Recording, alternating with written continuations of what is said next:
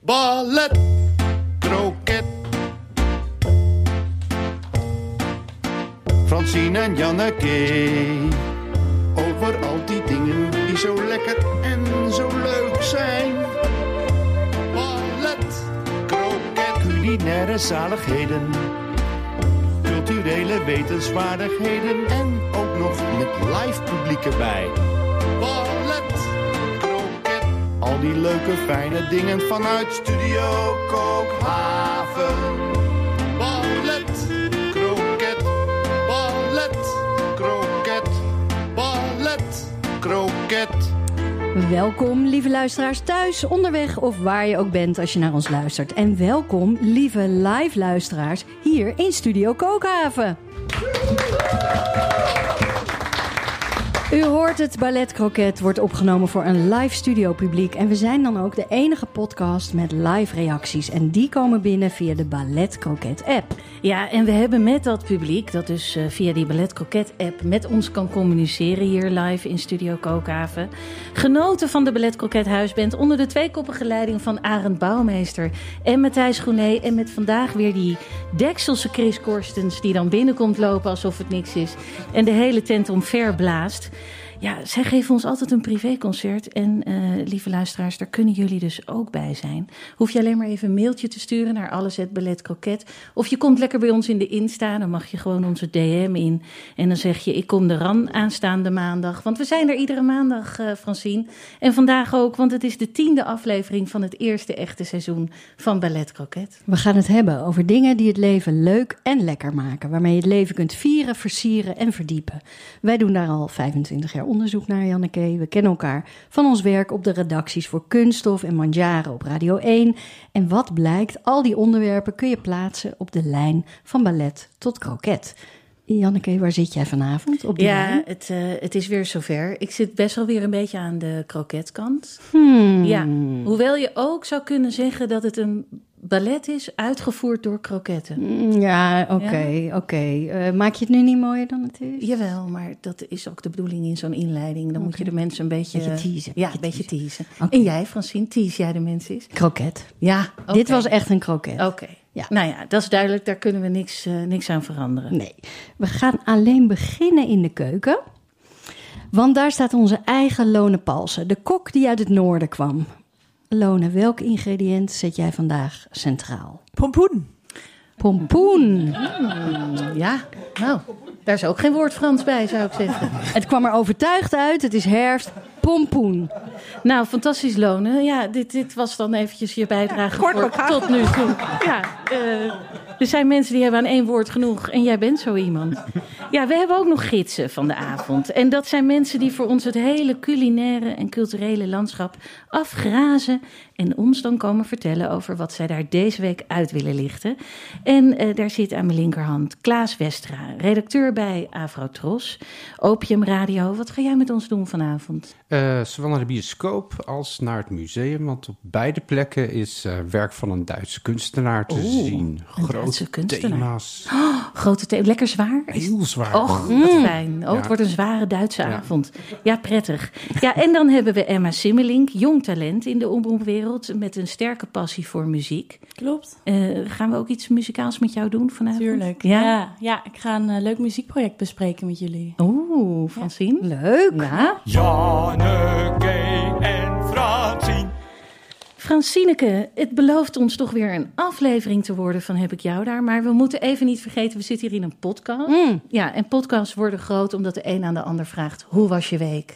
Mijn week was goed en druk en vol en veel gezien, maar ik ga er één ding uitlichten. Vertel. Namelijk een film over een kapperswedstrijd. Een kapperswedstrijd? Hij heet Medusa Deluxe. eh speelt zich af ja, in, een, in een soort eh, warehouse eh, met lelijke wc's. eh, een rare, zo'n nondescript, nondescript eh, trappenhuis. En dan met ja, eh, kleedkamers waar mensen gekapt worden. Oeh, en niet zomaar even... Niet zomaar, dat zijn hele haarwerken. dus daar wordt, eh, ja, mensen leven zich uit. Dat zijn kappers, die doen mee In welk land zijn we? Engeland. Ah, ja. En eh, de regisseur, ga ik even zijn naam noemen, Thomas Hardiman. Mhm. Hij groeide zelf op met een moeder met een kapperszaak Hm. en is daarna zelf ook het vak ingegaan. En de kapper is natuurlijk gewoon een hele grappige plek, want nou ja, in dit geval in Engeland, daar komt iedereen elkaar tegen. Ja. Of je nou high of low, eh, We hebben allemaal haar op de kop. iedereen heeft haar Ja. op de kop. Dit, Nou ja, eh, allemaal. Sorry. Ik wil de mensen met net iets minder haar op het hoofd niet... eh, zijn die er? Ja, die zijn er ook. Ja, je, eh, bedoel, we zijn all-inclusive bij Ballet Croquet. En het maakt ons helemaal niet uit hoeveel haar je hebt. Je mag van ons sowieso gewoon naar de kapper. Ja, ja, ja, zeker, zeker.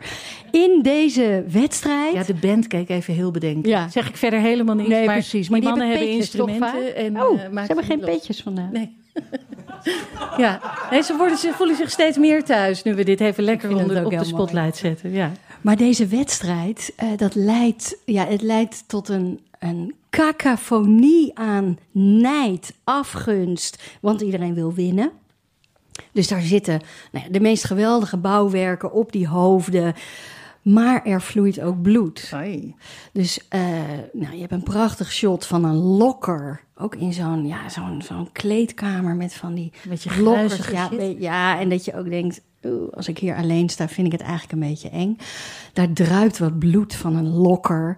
Je ziet wie de sleutel heeft, maar je denkt, ja, heeft die het dan gedaan? Dus het is eigenlijk een whodunit. Oh ja. Helemaal in het decor van een, ja, een kapperswedstrijd. Eh, ja, er wordt waanzinnig in gevloekt. Oh, maar heerlijk. zo goed. Ja. Ja, dat is eigenlijk heel lekker als er in een film echt goed gevloekt Echt goed wordt. gevloekt wordt. Kan goed in het Engels ook, hè? En Kan die, heel die goed. Engelsen kunnen dat. ook. Ja, nou en hier zat eentje, dat is gewoon, die is gecast op haar vloeken. Oh, en dat, ja, eh, dus het was een, het neemt je heel makkelijk mee. Het lijkt bijna in één take eh, opgenomen. Ja, wat wil dat zeggen? Ja. Nou ja, dat je, je kijkt echt door het oog van de camera en je, je volgt de camera over die trappen, bij die wc's, in de kleedkamers, in de zaal. Ja, je, je, je voelt dat er eigenlijk heel weinig tijd verstrijkt. Dus je bent erbij, die moord is gepleegd, hij moet opgelost worden. Dan zit er één sprong in de tijd. Dan voel je ook meteen, oké, nu is er een sprong in de tijd. Dan is duidelijk wie het gedaan heeft. Ehm, maar je, ja, het is een wervelende film. En eh, hij heeft ook iets heel vrolijks. Door al die kleuren en dat ja, een beetje doldwaze kunstwerken met haar. Ja. Ja. ik zou hem echt iedereen aanraden.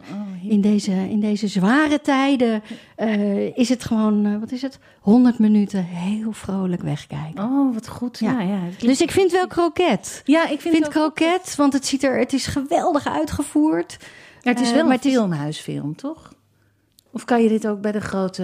Nee, nee, nee. Je ziet hem in een film. Ja, ik zag hem in een filmhuis. Eh, nee, het is wel een kleine film. Ja, ik denk niet, dit is niet voor een miljoenenpubliek. Nee. Eh, maar Nou ja, je weet het niet. Na deze opname gaat het hard, hè? ik wou net zeggen, Ja. het, is, eh, het kan zo'n cultfilm worden. Ja. Dat wel. Ja. Oh, leuk. Ja. Ja. En jij, Janneke? Ja, ik, eh, ik sleep al een tijdje een, een, een serie. Het is weer een serie. Het is weer zover. Ik, heb, ik ga het weer over een serie hebben. Je hoeft maar... er de deur niet uit. Nee, hoefde de deur weer niet uit. Nou, met dit weer maakt het niet heel veel uit dat ik niet eh, naar buiten hoefde. Maar ehm, het is een serie die ik al een tijdje achter me aansleep. Waarvan ik denk, ik wil eens een keertje in Ballet Croquette de mensen erover vertellen.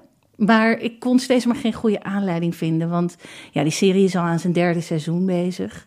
Dus ja, waar, waar wijs je de mensen eigenlijk op? Maar toen gebeurde er dit weekend iets droevigs.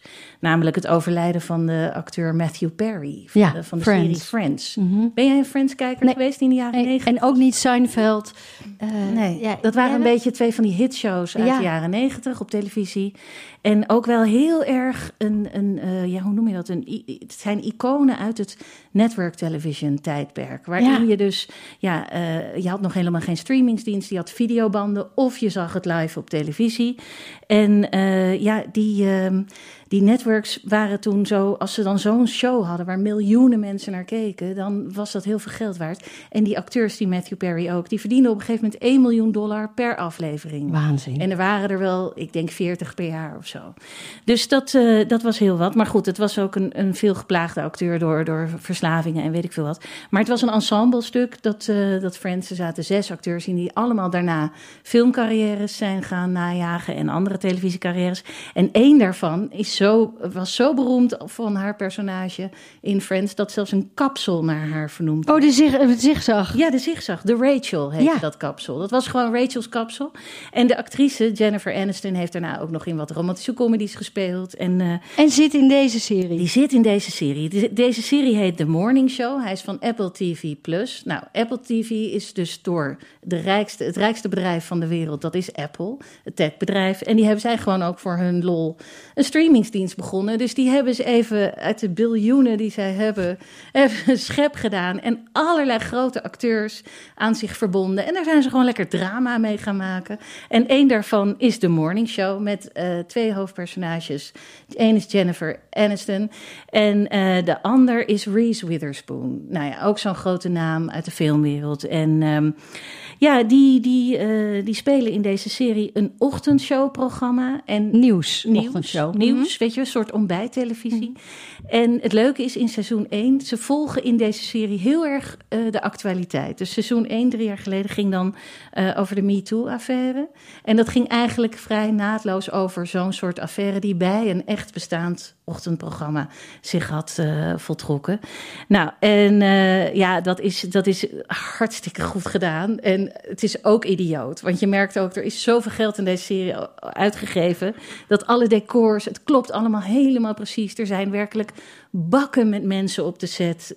Het, is, speelt zich af op een set, maar die set staat ook helemaal vol. Weet je, er is nergens op bezuinigd. Er komen huizen en appartementen in voor waarvan je denkt, hoe is het mogelijk? Nou ja, het tweede seizoen ging over corona. Ook best wel eh on. En deze derde, daarin komt er een tech-miljardair eh ten tonele. En die wil dat netwerk misschien wel gaan overkopen. Want eh, die kan nog wel wat cash gebruiken. En die wil dan de onderdelen gaan verkopen. En ja, het is eigenlijk de ondergang van network television. Wordt er een beetje in. Maar die tech-miljardair, dat is natuurlijk een soort mix van al die miljardairs die we kennen. Zoals Elon Musk en nou, noem nog maar op. En het zijn mensen die eigenlijk door het idiote rijkdom die ze hebben... De, de touch met de realiteit behoorlijk Van gekkigheid niet meer weten Ja. wat ze moeten doen. ja. En eh, die wordt trouwens gespeeld door John Hamm van, eh, van Mad Men. Dus Ja. weet je, er is gewoon, er komt bijna geen. Er is niet iemand de stoep aan het aanvegen, of het is eigenlijk een. Maar Janneke, nou zie jij heel veel. Ja, Heel veel. ik zie ontzettend veel. Je ziet zoveel. Wat zie ik veel? Dan ben ik dus heel benieuwd, waarom haak je hier nou op aan? Ja, het komt gewoon door die grote sterren. Want ze doen het heel goed. En het, het, het scenario is heus niet het allerbeste wat er ooit is gemaakt. Het, het vliegt echt wel eens de bocht uit. Maar die acteurs zijn met zoveel lol die idiote personages aan het neerzetten. En die, er, er is zoveel zorg besteed aan het, aan het decor.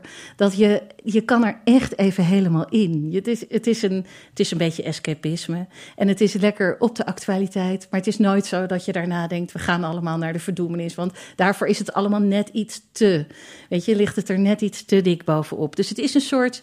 Ja, hoe heette die nare serie met die rijke mensen? Eh, Succession, weet Ja. je wel? Maar dan light. Dat, het nog net, dat je niet denkt van... nou ja, Ja. eh, we, zijn, eh, Ja, we zijn verkocht. leuk. Ja. Ik wil deze wel zien. Wat komt nu? Wat komt nu?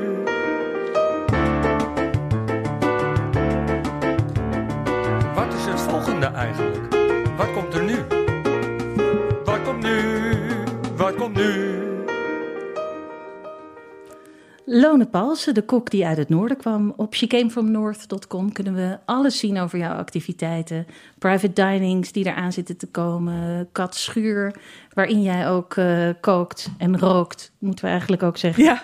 En, eh, eh, maar we moeten niet vergeten, je kwam uit het noorden. En dat noorden, dat was Denemarken. ja, dat klopt. Ja, en nu was Denemarken in het nieuws afgelopen week. Want we hoorden dat ze daar serieus werk gaan maken van wat de groene transitie wordt daar genoemd. ben ik echt super trots op. Ja, Ze hebben Denemarken is een gidsland. Ja, Ja, Wat, wat houdt dat precies in, die groene transitie? Nou, het houdt erin dat we, we moeten we natuurlijk met z'n allen veel minder vlees gaan eten. En eh, overstappen op groente eten in plaats van vlees. Mhm. En eh, daar neemt Denemarken nu het voortouw in om, eh, om daar ook echt eh, de, wetgeving aan te passen en eh, om, om dat boodschap te verspreiden. Eh, ze maken ja, is allemaal geld vrijgemaakt daarvoor. En eh, ze gaan ook in, eh, bij de overheid eh, alleen maar ve- vegetarisch eten en eh, in de kinderopvang en op scholen enzovoort. En eh, Dat is echt even vrij rigoureus. Ik dat weet is nog echt. eh, dat we in de omroepkantine ook een keer een, een, een vleesloze week hadden in het kader van het een of het ander. En dan gingen zelfs al die progressieve omroeptypjes, die werden daar heel opstandig van. oh, echt waar? Ja, oh. ja. Wel jaren terug, hè? Ja, maar het is toch ook weer niet... hè, Als je de mensen wat afpakt, Francine... Ik weet niet of jij dat wel eens hebt gedaan bij mensen. Nee, nooit. Nee. Maar Lone, verbaast het je dat het juist Denemarken is waar dit eh, gebeurt? Nou, we hebben ook, we hebben wel ver eh, of vaker eh, het voortouw genomen, ook met, met, de met duurzame energie, energie en zo. Met de, met de windmolens. We hebben Vestas, is een van de grootste bedrijven op dat gebied. Mhm. Dus dat, dat vind ik wel mooi. Maar ja, net als in Nederland, eh, ik denk dat de helft van de bevolking, eh, ja, ze, ze zouden denken, pak niet mijn vlees van me af. Nee. En eh, we hebben ook in een traditionele keuken waar heel veel vlees in zit en, ja, en allemaal zuivelproducten. Dus ik denk niet dat dat super populair eh, eh, wordt Nee. bij de helft van de, eh, ja, van de bevolking. Ja, dat zou hier in Nederland ook niet ik anders denk zijn. dat het hetzelfde overal is, Nee, ja. die, die tweedeling van de bevolking. Ja, ja, ja. Ja. ja. er is op een gegeven moment de, de rijkdom verworven om elke dag vlees te eten. En om dat nu zomaar weer af te nemen, daar, daar, daar krijg je nog niet alle handen voor. Nee, maar terwijl dat eigenlijk onzin is. Hè? Omdat Mhm. je, je kunt zeggen, wat is traditioneel? Nou, Ja. eh, het is maar sinds heel kort dat, dat we elke dag vlees eten. Dat Ja. is een enorme luxe. Eh, ga je naar, ik denk, niet meer dan 30 jaar terug... eh, ja, dan was vlees echt een luxe. Mhm. Die je altijd in het weekend of als het feest was... of eh, kerst of eh, in hoogtijd eh, van een soort. Dus het is ook... eh, ja, we zijn super gewend geworden. En we moeten het weer ontwennen. Want hoe, hoe is jouw eigen relatie met vlees eigenlijk? Nou, met, met- ik, ik eet vlees. Mhm. Ik ben eh, geen eh, vegetariër, maar eh, niet zo heel veel vlees. En zo ben ik ook opgegroeid. We hebben heel veel groenten gegeten. En ja, dat, dat hoeft ook niet. Vlees Mhm. hoeft niet. Nee. Om een, eh, om een lekker maaltijd eh, te maken, dan moet je gewoon een beetje kunnen koken. Een beetje technieken leren om die groenten ja, om te toveren Ja. in eh heerlijkheden. Maar even, want ik weet dat eh, Janneke vindt dat heerlijk als ik een beetje Deens praat. Eh, en ik weet, dat die, eh, ik weet dat die keuken, daar zitten een aantal hele traditionele Deense, Deense gerecht- de gerechten. Fleskestyle. Vleeskesta, ja, dat klopt. Ja, dat is een varkensrib met, eh, met, eh, ja, met een eh, hele knapperige korst. Dat is echt super lekker. Maar ook eh, super fout ja.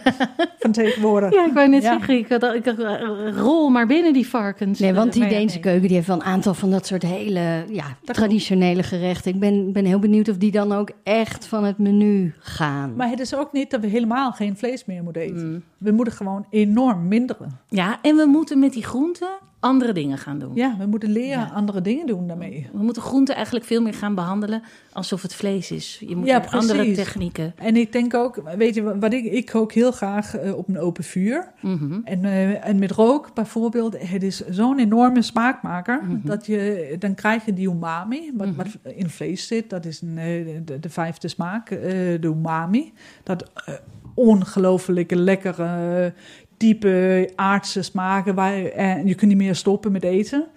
Maar ja, dat krijg je ook, dat effect krijg je ook met rook. Ja. Als je in, eh, in knolselderij, of in dit geval vandaag, eh, heb ik een pompoen gerookt Mhm. en daar een soep van gemaakt.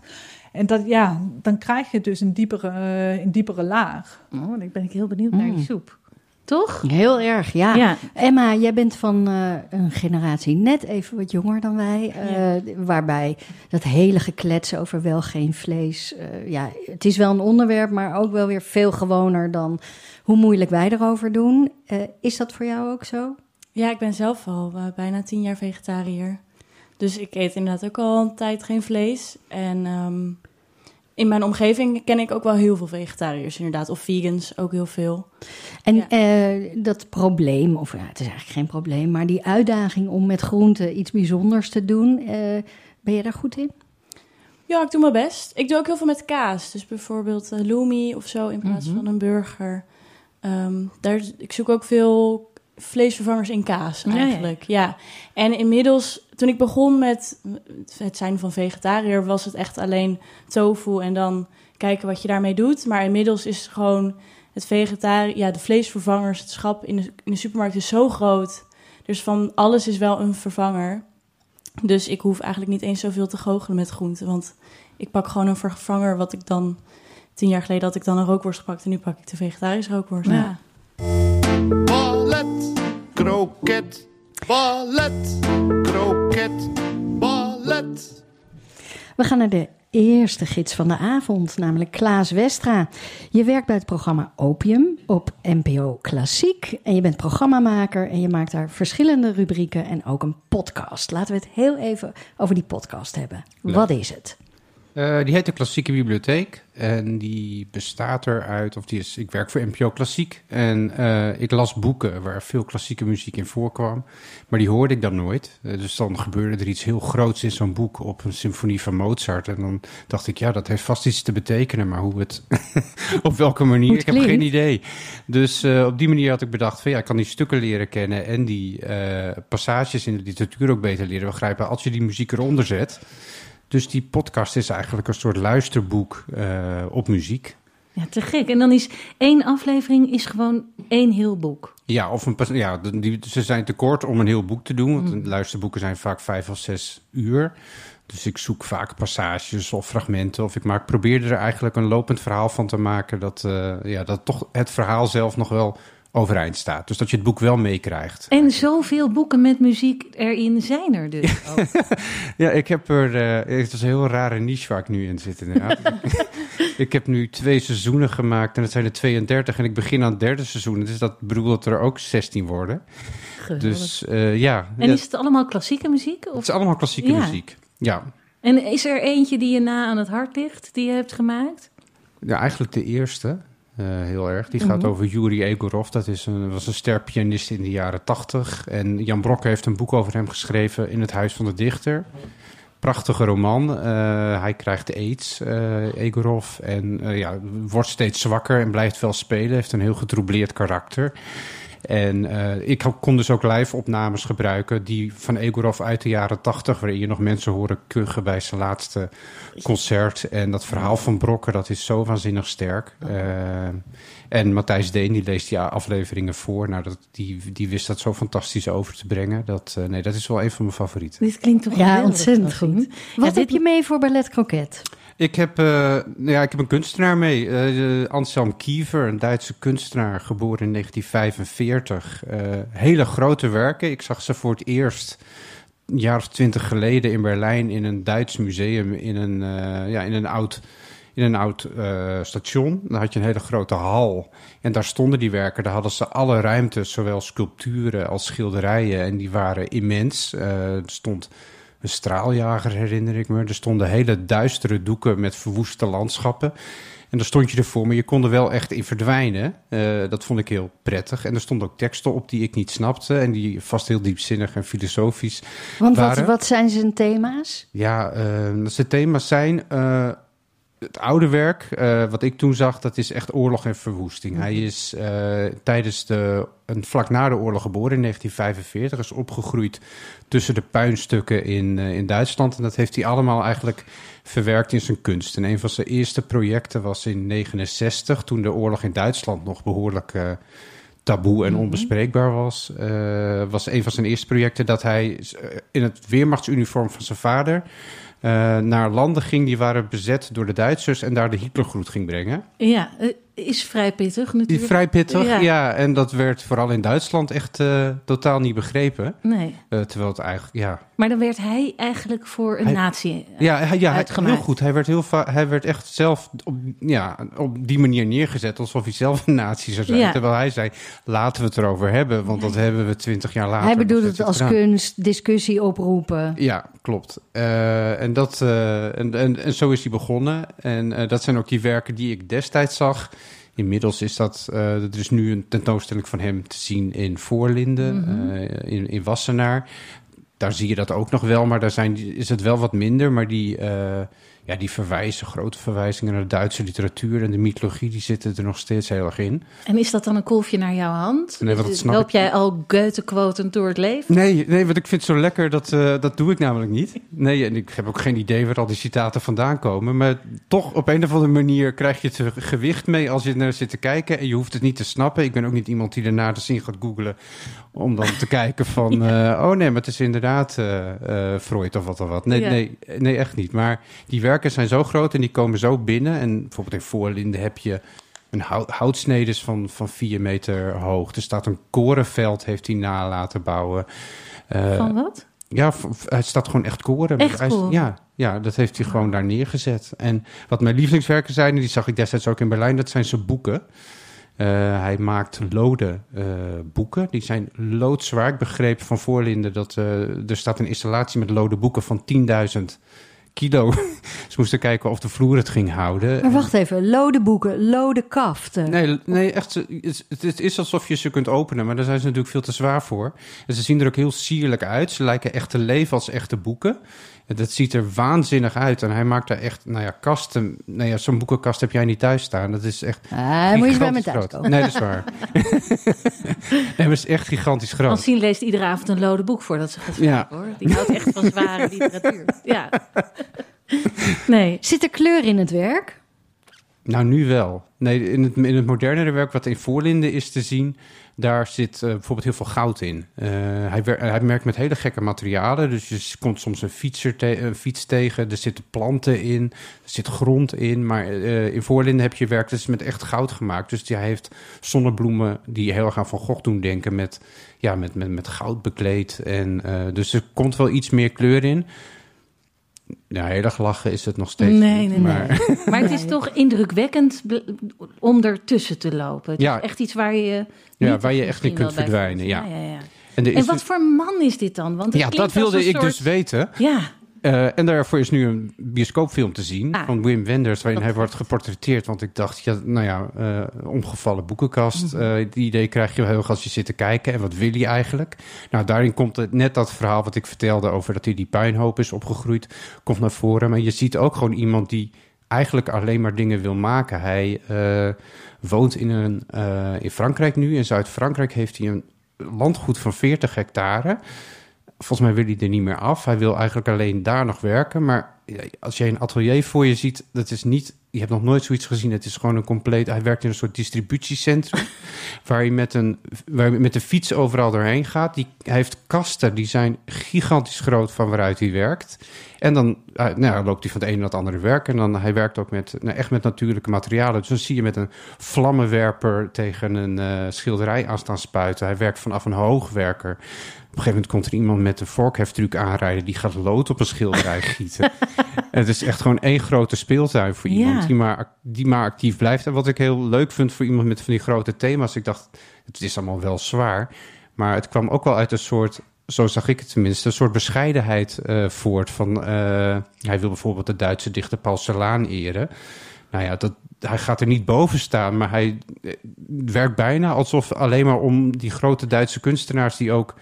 Sommigen waren dan eh, door de nazi's misbruikt. Dat hij denkt, ja, we moeten die Mhm. mensen wel weer de aandacht geven. in eer Die ze herstellen verdienen, ja. eigenlijk. Ja.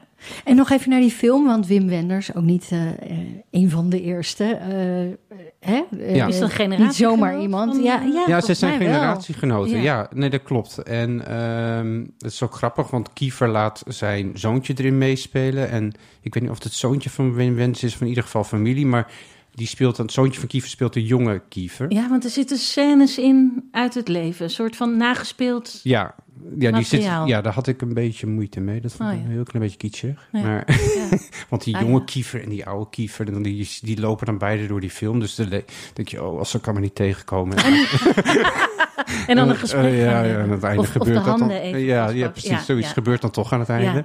Toch een hallmark.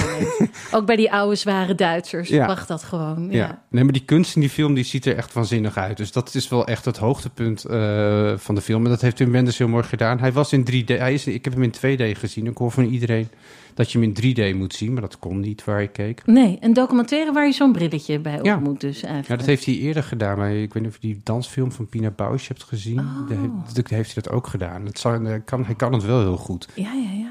Je krijgt echt een grote van die werken krijg je mee. ja. Leuk, dus je hebt nu echt een heel volledig beeld van eh, en zijn werk en de man. Ja, en ik vond het fijn, dat, dat kan dan nog, want ik liep al een tijdje met hem in mijn hoofd, dat je denkt van, dat het uiteindelijk een hele naar man blijkt. Mhm. Maar dat had ik gelukkig, ondanks die hele grote kunst en die zware grote, thema, nare dingen. had ik, had ik dat helemaal niet. Nee. Misschien is hij enorm goed neergezet door Wim Wenders, omdat ze ook vrienden waren. Ja. Maar eh, nou, ik neem het maar voor lief. Ja, ja. Nou ja, mooi onderwerp gewoon. Ja, heel mooi. Van twee echte boomers. Ik bedoel, iedereen wordt een boomer genoemd, maar als je in 1945 bent geboren, dan ben je er echt één. Dat wist je. Ja, Ja. maar dat is ook niet altijd makkelijk. hè? Nee, die hebben het helemaal niet makkelijk. Nee. Nee. Oké, dankjewel Klaas. Yes. Dingen met Dick.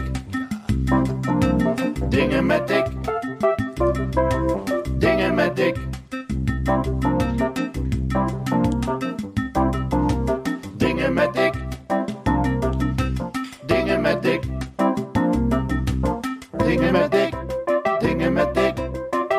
Dick.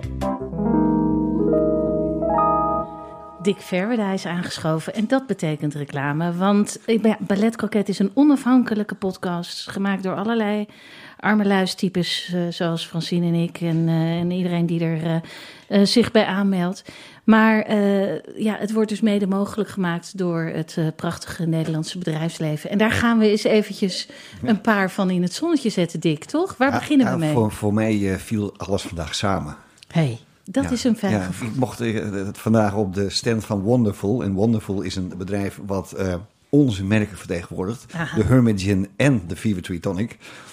En ik werd ingehuurd door Hermit om via Oesters de Hermit te presenteren. Jeetje, Dick. Nou, ik bedoel echt, Dat ben jij gewoon. ieder- iedereen was er. Ja, En eh, ja, dat begint dan met, met de Hermit. Eh, de meneer die, die het heeft bedacht zit hier in Ah. het publiek nu. ja, we kunnen bij de bron. We kunnen nu bij de bron kunnen we echt, eh, echt alle informatie eh, vandaan halen. Maar eh, eh, eh, een van de bestanddelen is Oosterscheldewater. En Ja. dat is toch wel eh, iets wat de Hermit Gin onderscheidt. Ja, En eh, ja, bronwater. Bronwater wat opgepompt wordt onder de Oosterschelde.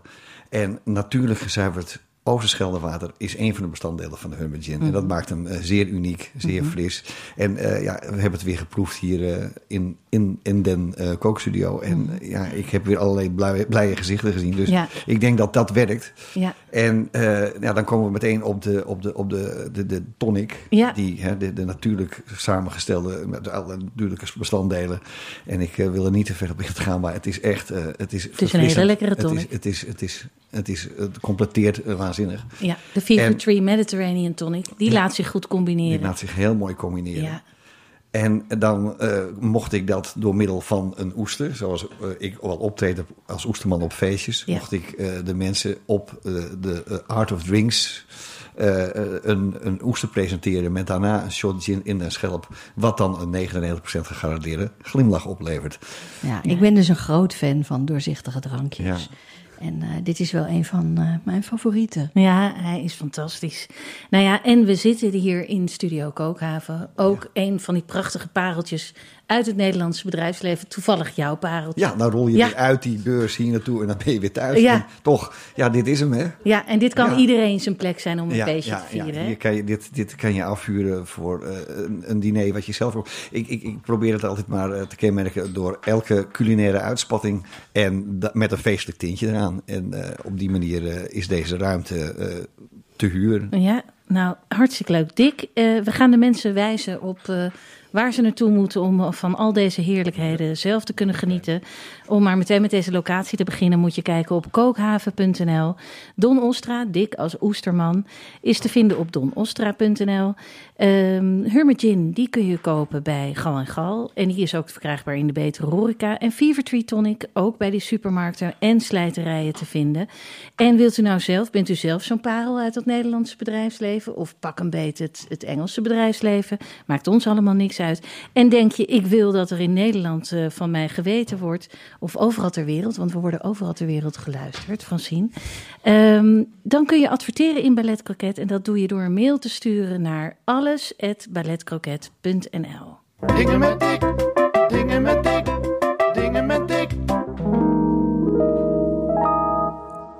We gaan naar Emma Simmelink, jong talent in de omroepwereld. Je werkte bij Kunststof en bij Jongstof op NPO Radio 1 en je bent verbonden aan 3 voor 12. Waar ga je het hier over hebben? Ik ga het over muziek hebben. Um, ik heb een leuk muziekproject meegenomen. Het is een beetje lastig te omschrijven, maar ik omschrijf het maar als een muziekproject. Het is uh, een project van muzikant Danny van Tichelen.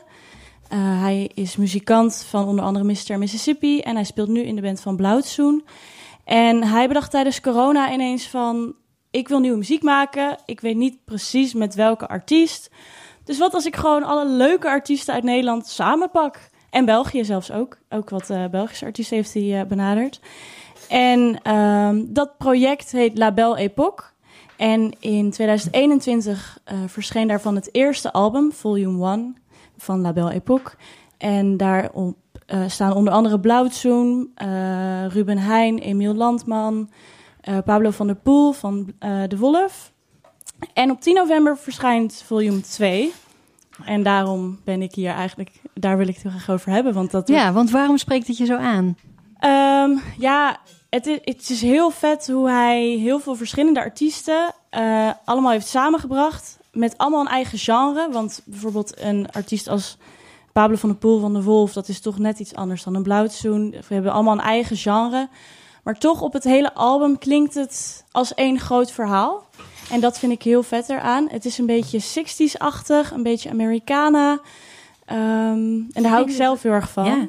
Het is, echt, het is echt een band. Het zijn echte muzikanten. Zullen ja. een stukje gewoon even Ja, en het is luisteren? wel leuk om te zeggen. Elk nummer heeft dus, is dus met één artiest gemaakt. Mm -hmm. En het, uh, waar we nu naar gaan luisteren is gemaakt met Camille Meresson. Dat is de zanger van Sommieu. Die zijn nu best wel opkomend, best wel groot.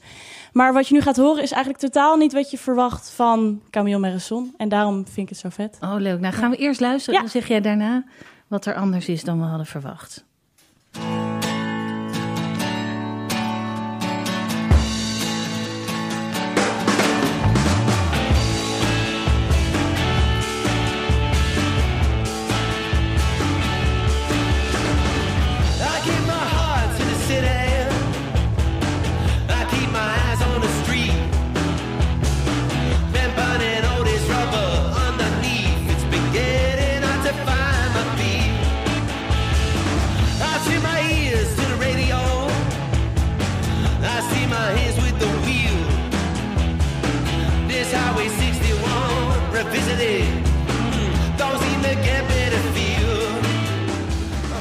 Emma Francine die krijgt hier geen genoeg van. Die wil Nee. het hele lied uitluisteren. Maar. Maar dat mag mag niet. We hebben te maken met rechten. We mogen dit Ja. liedje alleen maar even kort laten horen. Ja.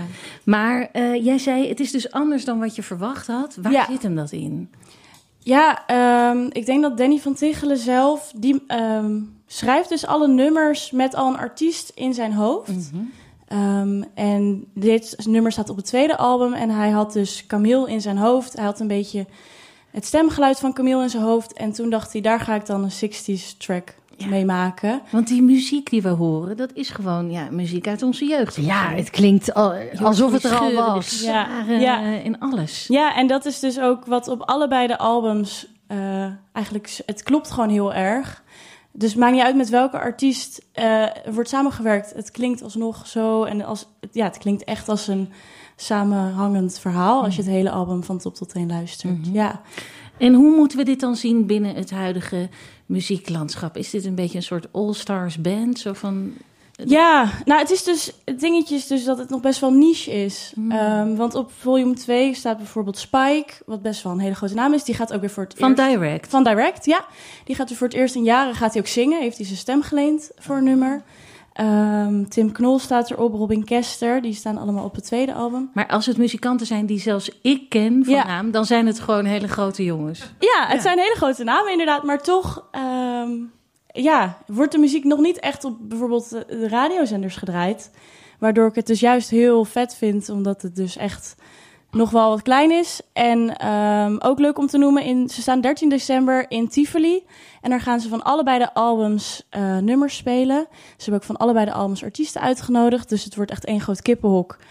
Eh, Van artiesten? Van artiesten. Vooral behind the scenes denk ik dat dat heel gezellig gaat Ja. worden. Eh, Loopt, loopt een Emma Simmelink daar dan ook rond? Om Ja, hier en daar nog even wat quotejes op te halen? ja, dat is wel de Ja, bedoeling. dat moet wel. Ja, Ja, het is werk, maar Kom iemand moet het doen. Ja, precies. Ja, ja. Fijn dat je die taak Ja. op je neemt. Ja. Ja. Ja. En Klaas, eh, jij zit natuurlijk enorm in die klassieke muziek, maar kan dit je goedkeuring wegdragen? Ja, heel erg. Ik zit ook heel erg in die muziek. Dus dat was net die zanger van Multicolor, toch? Ja, Die- ja, dat nou ja, dat is echt, die heb ik nog niet zo horen zingen inderdaad. Dat vond ik echt gek. Ja, terwijl het dus wel heel erg klopt met zijn stem, vind ik. Dat vond ik zo verrassend eraan. Want ik vind Somja een hele leuke band. Maar als ik dan dit hoor, dan denk ik... Oeh, dit is eigenlijk heel goed voor zijn stem. Ja.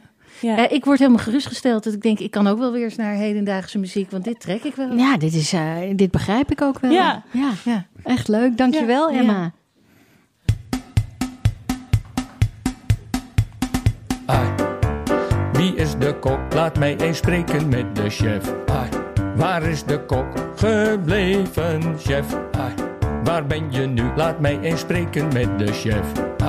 Wie is de kok? Wie is de kok? Ja, de kok is Lone Palsen en die komt aangerend vanuit de keuken met eh, soep. Eh, dit krijgt iedereen hier, maar wij zijn eventjes, van Zin en ik zijn even, Even voorgetrokken. omdat eh, we er zo nodig iets van, van moeten vinden met z'n allen. Lone, dit is pompoensoep, dat had je al gezegd. Ja, Eh, wat heb je met die pompoen nou ook weer uitgehaald? ik heb hem eerst even gerookt. Hmm. Om juist dat. Ik, ik, had ook, ik heb dit gemaakt op basis van een groentebouillon. Ik had ook in eh, kip, kippenbouillon eh, kunnen gebruiken, maar dat doen we niet. Omdat Nee. we proberen minder vlees te eten. Mhm. En daarom heb ik ook het pepoen, de pepoen eh, gerookt. Om Ja. juist die diepere smaak van wat, wat, wat, je ook uit een kip krijgt. Hoe doe ik dat? Hoe, hoe je dat doet? ik heb, je, snij, je snijdt eerst de pompoen in stukken. En dan leg je hem in een schaal. En dan heb ik een rook, een smoking gun heet dat. Een soort van rookapparaat met een slang. Eh, die ik dan eh, ja, in die schaal doet. Eh, die is dan eerst afgedekt met, eh, met folie. En dan eh, geef ik hem vijf à tien minuten rook. En dan eh, kun ik ze weer koken en, eh, en soep van maken. Mhm. En dan krijg je dat diepe rooksmaak daarbij. Francine, heb jij nog een smoking gun ergens liggen? Nee, maar ik, ik proef wel. eh, ja, het is totaal anders dan pompoensoep. Het zoetige, weeige wat pompoensoep kan hebben. En mijn oplossing is dan altijd: ik gooi er gewoon hete peper doorheen. Ja, dat, Gember, knoflook. Ja, dan, krijg, je- dan ben je ook wel weg van dat zoete. Maar dit is gewoon heel subtiel. dat is heel subtiel. En dat is ook, ik probeer, ik, ik, ik ben van de Nordic eh, cuisine. Dus ik probeer ook niet eh, eh, ingrediënten te gebruiken die niet in de omgeving van oorsprong komen. En dan moet ik andere we- wegen zoeken om, eh, om extra veel smaak Ja. aan te, te brengen. Ja, daar heb ik dus een vraag over. Ja. Want er zit iets in. Er zit iets in. Er zit een topping erop. Ja. En eh, dat is downdoornbessen. Mm. En eh, dat zijn downdoornbessen. En die heb ik geplukt in de duinen bij Zandvoort. Eh, drie weken geleden. In de diepvries gegooid. En nu een beetje suiker gelegd. En die zijn echt, dat zijn echt eh, vitaminebommetjes. Die zitten vol eh, vitamine C. En ze geven een lekker zuurtje aan, eh, eh, aan de soep. Dat het ook een beetje in balans komt. Mhm. En er zit een klein beetje paddenstoelen erbij. En, en pompoenpitten en een beetje kervel. Heel lekker. En die bessen, de textuur daarvan zorgt bijna voor dat je denkt: hé, hey, er zitten een paar garnaaltjes. Ja. Dus het is een heel mooi contrast. Onze Ja. gidsen, krijgen die ook? Ja, maar die krijgen als laatste. Dat zijn omdat ze nieuwe gidsen zijn. En anders dan. Ja, eh, maar ik ben daar niet mee helemaal Nee, ik ben daar niet mee eens. Ja, nee, die, eh, dat heb ik speciaal zo gevraagd Mm. aan Dick. Mm. Geef die gidsen Oh, en het publiek heeft er ook allemaal eentje. Kijk, ja, die, en die zitten. Dat die zitten hier dus, mensen. eh, heel lekker te eten, alsof we hier ja, in een herberg zitten. Na een lange, he- een vochtige herfstwandeling. Een beetje guur. Takken die tegen de ramen aanslaan. Iedereen zijn, zijn oliepak dat uit eh, ligt te lekken voor een kachel. En dan komt Lonen met deze soep aanzetten. ja, dan wordt het warm. Toch? Heel erg lekker. Ja, het is heel fijn lonen. En fijn dat we ja, met allerlei goede voornemens iets heel lekkers kunnen maken. Zoals dit. Hoewel dat met die smoking gun. Ja, Ja, Is niet moeilijk hoor. Nee? Niet moeilijk, kun je ook. Kun je ja ook. oké. Maar ik Iedereen vind kan het het. gevaarlijk klinken. maar goed, inmiddels hebben Emma en Klaas ook een beetje kunnen proeven. Wat, wat vinden jullie, jongens? Ik vind het ook echt een herfstsoepje. Mhm. Ja. ja. Hm. Nou, Past helemaal bij je omschrijving van net. nou, gelukkig. Nu nog klassieke muziek erbij. En hup, we hebben weer een podcast. ja. Oké, ehm, Lone, dankjewel voor dit eh, verrassende, eh, verrassend lekkere pompoensoepje. Eh Francine, we belanden weer ergens op een punt. We zijn weer, weer veel, veel, op veel punten geweest, zowel in de geschiedenis als op de wereld. Eh, dat haar van jou, daar, daar, dat blijft me ook bij. Nou, ik vind eigenlijk dat dat wel weer past bij die kunst van Klaas. Bij Ja, grote, uitbundige, meeslepend. kleurige, ja, toch ook drama. Ja. Nou ja, die nieuwe muziek, daar ben ik ook heel blij om dat gehoord te hebben. Ja, en ja, die serie van jou, kijk, laat het maar regenen. Dan ga Ja, ik gewoon dan ga eh, jij ook zitten. eens een keer Ga bingen. jij ook eens een keer zitten? Hey? Ja, nou, hartstikke leuk. Dit was de tiende aflevering van Ballet Croquet. We danken onze gasten Lone Palsen, Klaas Westra en Emma Simmelink. Grote dank en een extra groot hartje aan de Ballet Croquet Huisband onder de tweekoppige leiding van Arend Bouwmeester en Matthijs Groenee. Met vandaag Chris Korsens erbij. En kijk op eh www.shecamefromnorth.com voor al Lones-activiteiten. Ballet Croquet werd opgenomen voor een live studio publiek. En wilt u ook een keer komen kijken en genieten van live muziek en goede sfeer? Dat kan. Stuur dan een mail naar alles@balletcroquet.nl. En wilt u adverteren in onze podcast? Dan kan dat ook. Mail gewoon eventjes naar alles@balletcroquet.nl.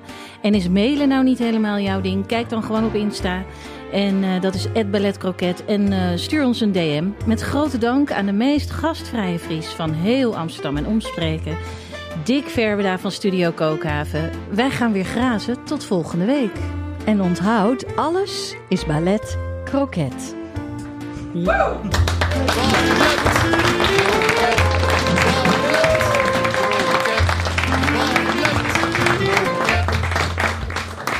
Zo, nu een kroket.